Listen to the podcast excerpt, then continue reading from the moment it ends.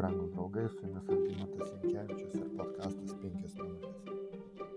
Pasidalijusi Izraelio karalystė labai greitai prarado buvusią Izraelio šlovę Saliamono laikais. Jei judėjai ir izraelitai nekovojo su išoriniais priešais, tai jie kovojo tarpusavį. Jie kovojo ne tik ginklų jėga - Rehobeamas pietuose ir Jeroboamas šiaurėje. Efraimietis Jeroboamas per pranašą Ahiją, dar valdant Saliamonui, gavo iš viešpaties ženklą, kad Izraelis bus padalytas ir jis taps daugumos karaliumi. Šis ženklas išsipildė tiksliai po kvailo Rehabaamo elgesio Sicheme, po kurio jis buvo priverstas grįžti į Jeruzalę, o izraelitai Jeroboamą pavertė karaliumi, kaip ir buvo išpanašauta. Jeroboamas gerai žinojo apie didžiulį traukimą garbinti viešpatį Jeruzalės šventykloje ir kad jie izraelitai išliks ištikimi Dievui ir toliau eis į Jeruzalę ir dalyvaus pamaldose su savo broliais, tai jų širdis vėl bus sujungtos ir karalystė vėl bus viena. Bet tai netitiko Jeroboamo interesų. Siekdamas užkirsti kelią pavaldinių piligriminiam, jeigu taip galim pasakyti, žygiui Jeruzalę, Jeroboamas pradeda kabutės ideologinį karą ir sugalvoja naują religiją. Tačiau ši reforma lėmė visiškai priešingą efektą. Biblijoje skaitome, kunigai ir levitai gyvenantis visame Izraelyje susirinko pas jį iš visų savo žemę.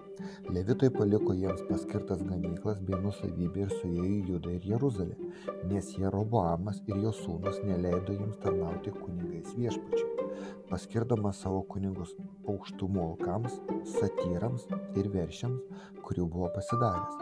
Paskui juos iš visų Izraelio giminių Jeruzalę atnašauti aukos viešpačiui savo protėvių dievui ėjo, ėjo visi tie, kurie buvo pasiryžę širdimi ieškoti viešpatės, Izraelio dievo. Taip jie sustiprino Judo karalystę ir parėmė Saliamono sūnų Rehabeamą trejus metus, nes Dovydas Saliamono keliu jis ėjo trejus metus. Ką mes čia matome? Jerobamas niekaip nenorėjo pasitikėti Dievu, juk pranašas Ahija perspėjo jį, jeigu būsi klusnus visur, kur tau įsakiau, įsakau, eisi mano keliais ir darysi, kas dora mano akise, laikydamasis mano įstatų ir įsakymų, kaip darė mano tarnas Dovydas, aš būsiu su tavimi, pastatysiu tau tvirtus namus, kaip pastačiau Dovydui ir atiduosiu tau Izraelį. Tačiau panašu, kad Jerobamas nusprendė savarankiškai sustiprinti savo karalystę, naudojusi metodais, kuriuos jis laikė efektyviausiais. Jis pasidavė šetono pagundai. Gundė netikėti viešpačiu ir suabejojo jo ištikimybę pažadams. Baimė prarasti savo karalystę, liekant ištikimu viešpačiui, paskatino jį eiti nesėkmės keliu.